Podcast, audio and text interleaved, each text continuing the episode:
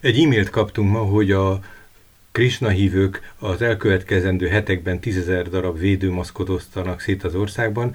Mindez a párhuzamosan a már létező eltárosztás mellett történik.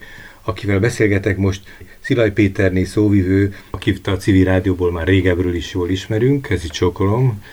Jó napot kívánok! Mondja, hogy, hogy keletkezett ez a, ez a maszk lehetőség, amivel itt sok mindenki küzdik, hogy nem találnak ilyen anyagokat. Szóval hogy, hogy teremtettek ilyet elő, és hol történik? Szóval hogy, hogy került ez egyáltalán napirendre a maguk programjában?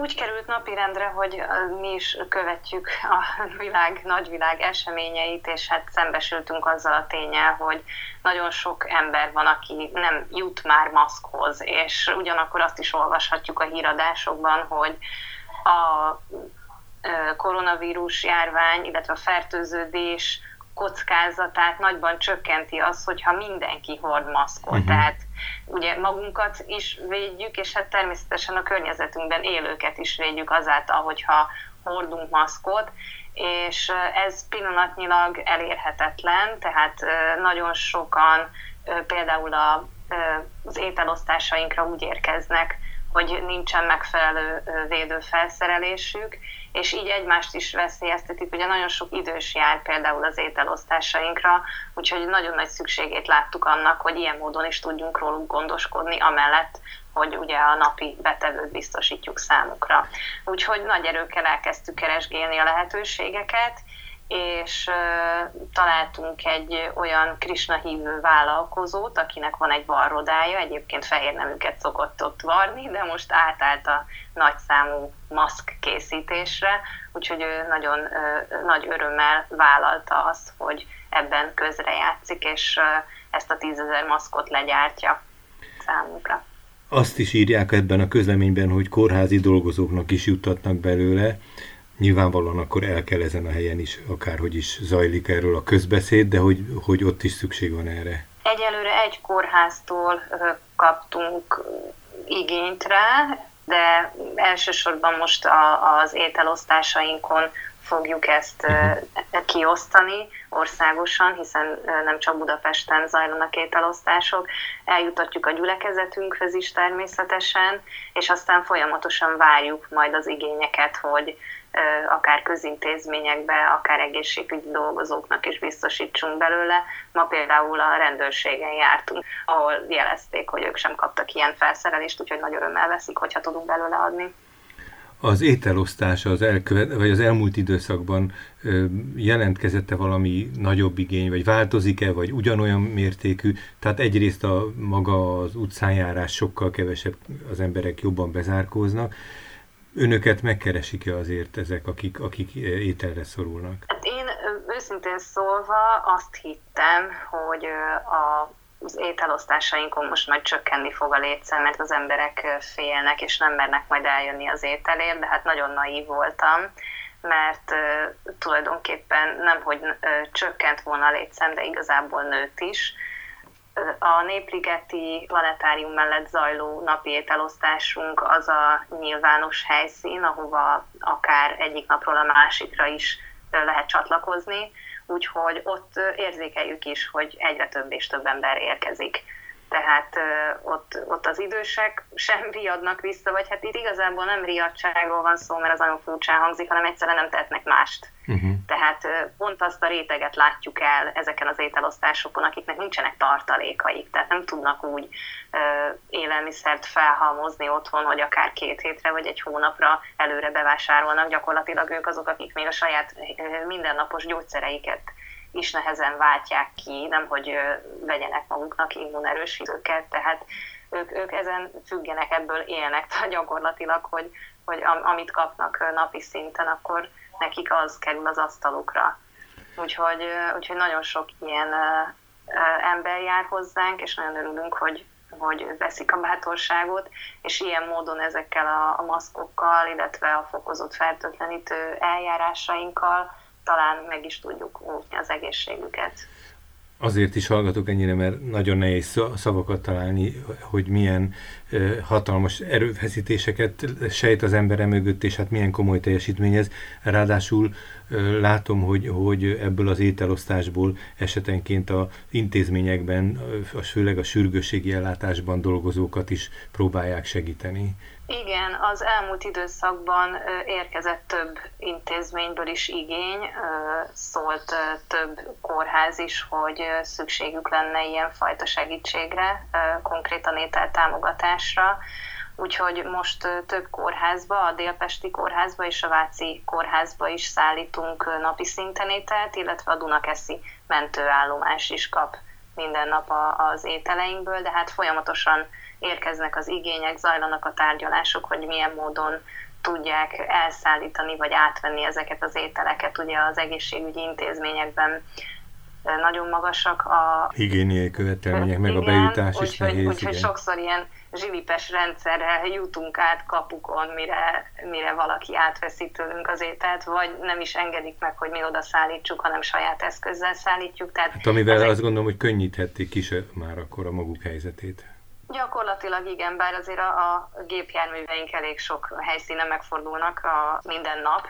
Ugye a Budapesti Módszertani Szociális Központnak az összes intézményébe szállítunk, ez a fővárosnak a hajléktalan ellátó intézmény hálózata, és ennek az összes intézményébe szállítunk napi szinten meleg ételeket itt a, a hajléktalan embereknek, úgyhogy... Mekkora az a, az a mennyiség, úgy nagyságrendileg, az sejthető-e amennyi adag, vagy liter, vagy nem tudom, hogy milyen mértékegységben ragadható meg, hogy mennyi ételt főznek naponta, ez, ez, van -e erre valami számszerű adat? Igen, éppen tegnap a este hívtam fel a szakácsot, hogy most hol tart éppen a megfőzött adagok mennyisége, és azt mondta, hogy 800 litert készített, és hát egy adag az tulajdonképpen fél liternek Tehát, számít, úgyhogy most 1600 adagnál mhm. tartunk. Elképesztő. Az összes főzőistünkben rotyognak az ételek, úgyhogy, de még, még, még van szabad kapacitásunk, tehát hogyha valaki még jelzi az igényét, akkor, akkor most még tudunk. Ami egyébként nehézséget jelent a mostani időszakban, az például a, a műanyag eldobható gulyástáloknak a beszerzése. Uh-huh. Ugyanis az ANTS hozott egy ilyen rendeletet, hogy most már nem lehet az elviteles, otthonról hozott elviteles dobozokba kimérni, kiadni, kimérni uh-huh. az ételt, úgyhogy ez egyrészt a költségeket is nagyon megdobja, másrészt pedig a piac nem volt felkészülve erre, úgyhogy gyakorlatilag közelharcot kell vívni minden egyes tányér beszerzéséért. És nincs olyan, olyan vállalat, vállalkozás, szervezet, intézmény, aki aki fúzionálna ebben a dologban, és hogy legalább ebben a segítségükre lenne, hogy, hogy ezzel, ez, a, ez a feszültség, vagy ez a küzdelem ne történjen? Én szerintem ez a probléma ugyanúgy fog megoldódni, mint ahogy a maszk kérdése megoldódott. Saját maguk fognak gyártani. Igen, igen, tehát azért aki teheti, az valahogyan beszáll, és próbál segíteni a helyzeten. Ugye most már van egy csomó nyugdíjas otthon, meg van oda, akik gyakorlatilag átalakították a tevékenységüket, és már csak a maszk gyártásra összpontosítanak. Úgyhogy szerintem abban reménykedek, hogy ebből ez is meg fog oldódni ilyen módon. Látszik-e, hogy valami módon azok, akik igénybe veszik a szolgáltatásukat, most nem elsősorban az intézményben dolgozók, de akik a, az ingyen ételosztásokra jönnek, hogy, hogy azok milyen társadalmi csoportokhoz vagy rétegekhez tartoznak. Nagyjából ez egy régi klientúrának a folytatása vagy változás érzékelhető esetleg ebben? Amikor mi elkezdtük a Budapesti Módszertani Szociális Központ intézményeit ellátni kiszállításos módszerrel, akkor az ételosztásainkról gyakorlatilag szinte teljesen eltűntek a hajléktalan emberek, mert ilyen módon el tudtuk őket érni intézményeken belül, ami nagyon jó.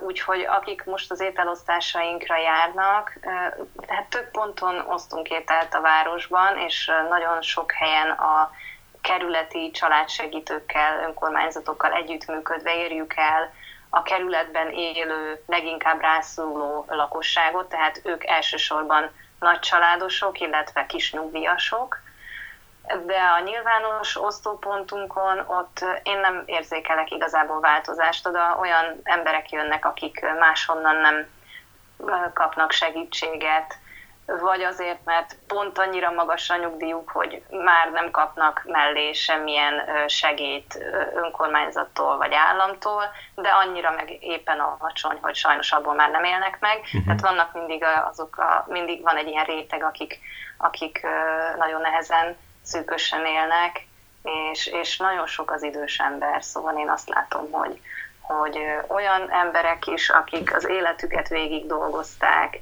és most így nyugdíjas korukra egyik napról a másikra élnek, szóval nagyon, nagyon szomorú sorsokkal lehet itt találkozni, de... Bírják ezt pszichikailag, mentálisan? Mert ez egy, a fizikai munka mellett ez, ez azért egy nagyon komoly teher.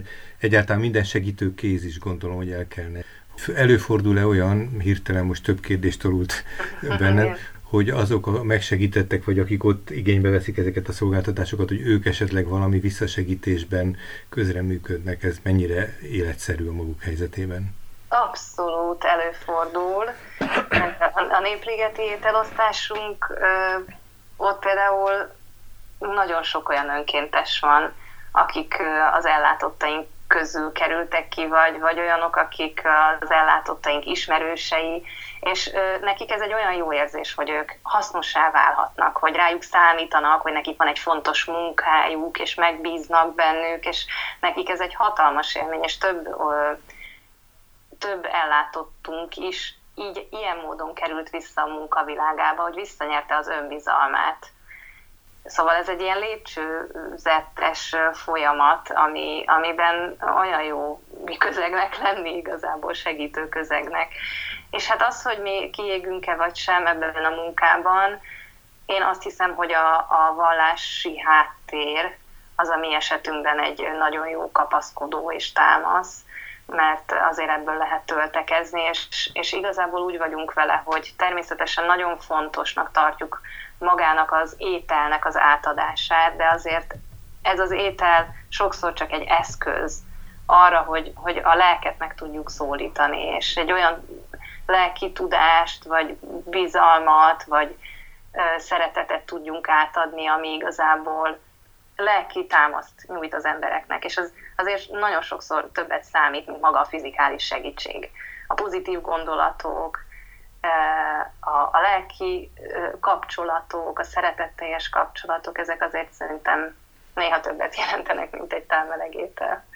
Köszönöm szépen, nagyon jó volt hallgatni. Jó erőt és jó munkát kívánok magunknak, és hát remélem, hogy minél előbb túljutunk ezen a nehéz időszakon. Köszönöm szépen még egyszer.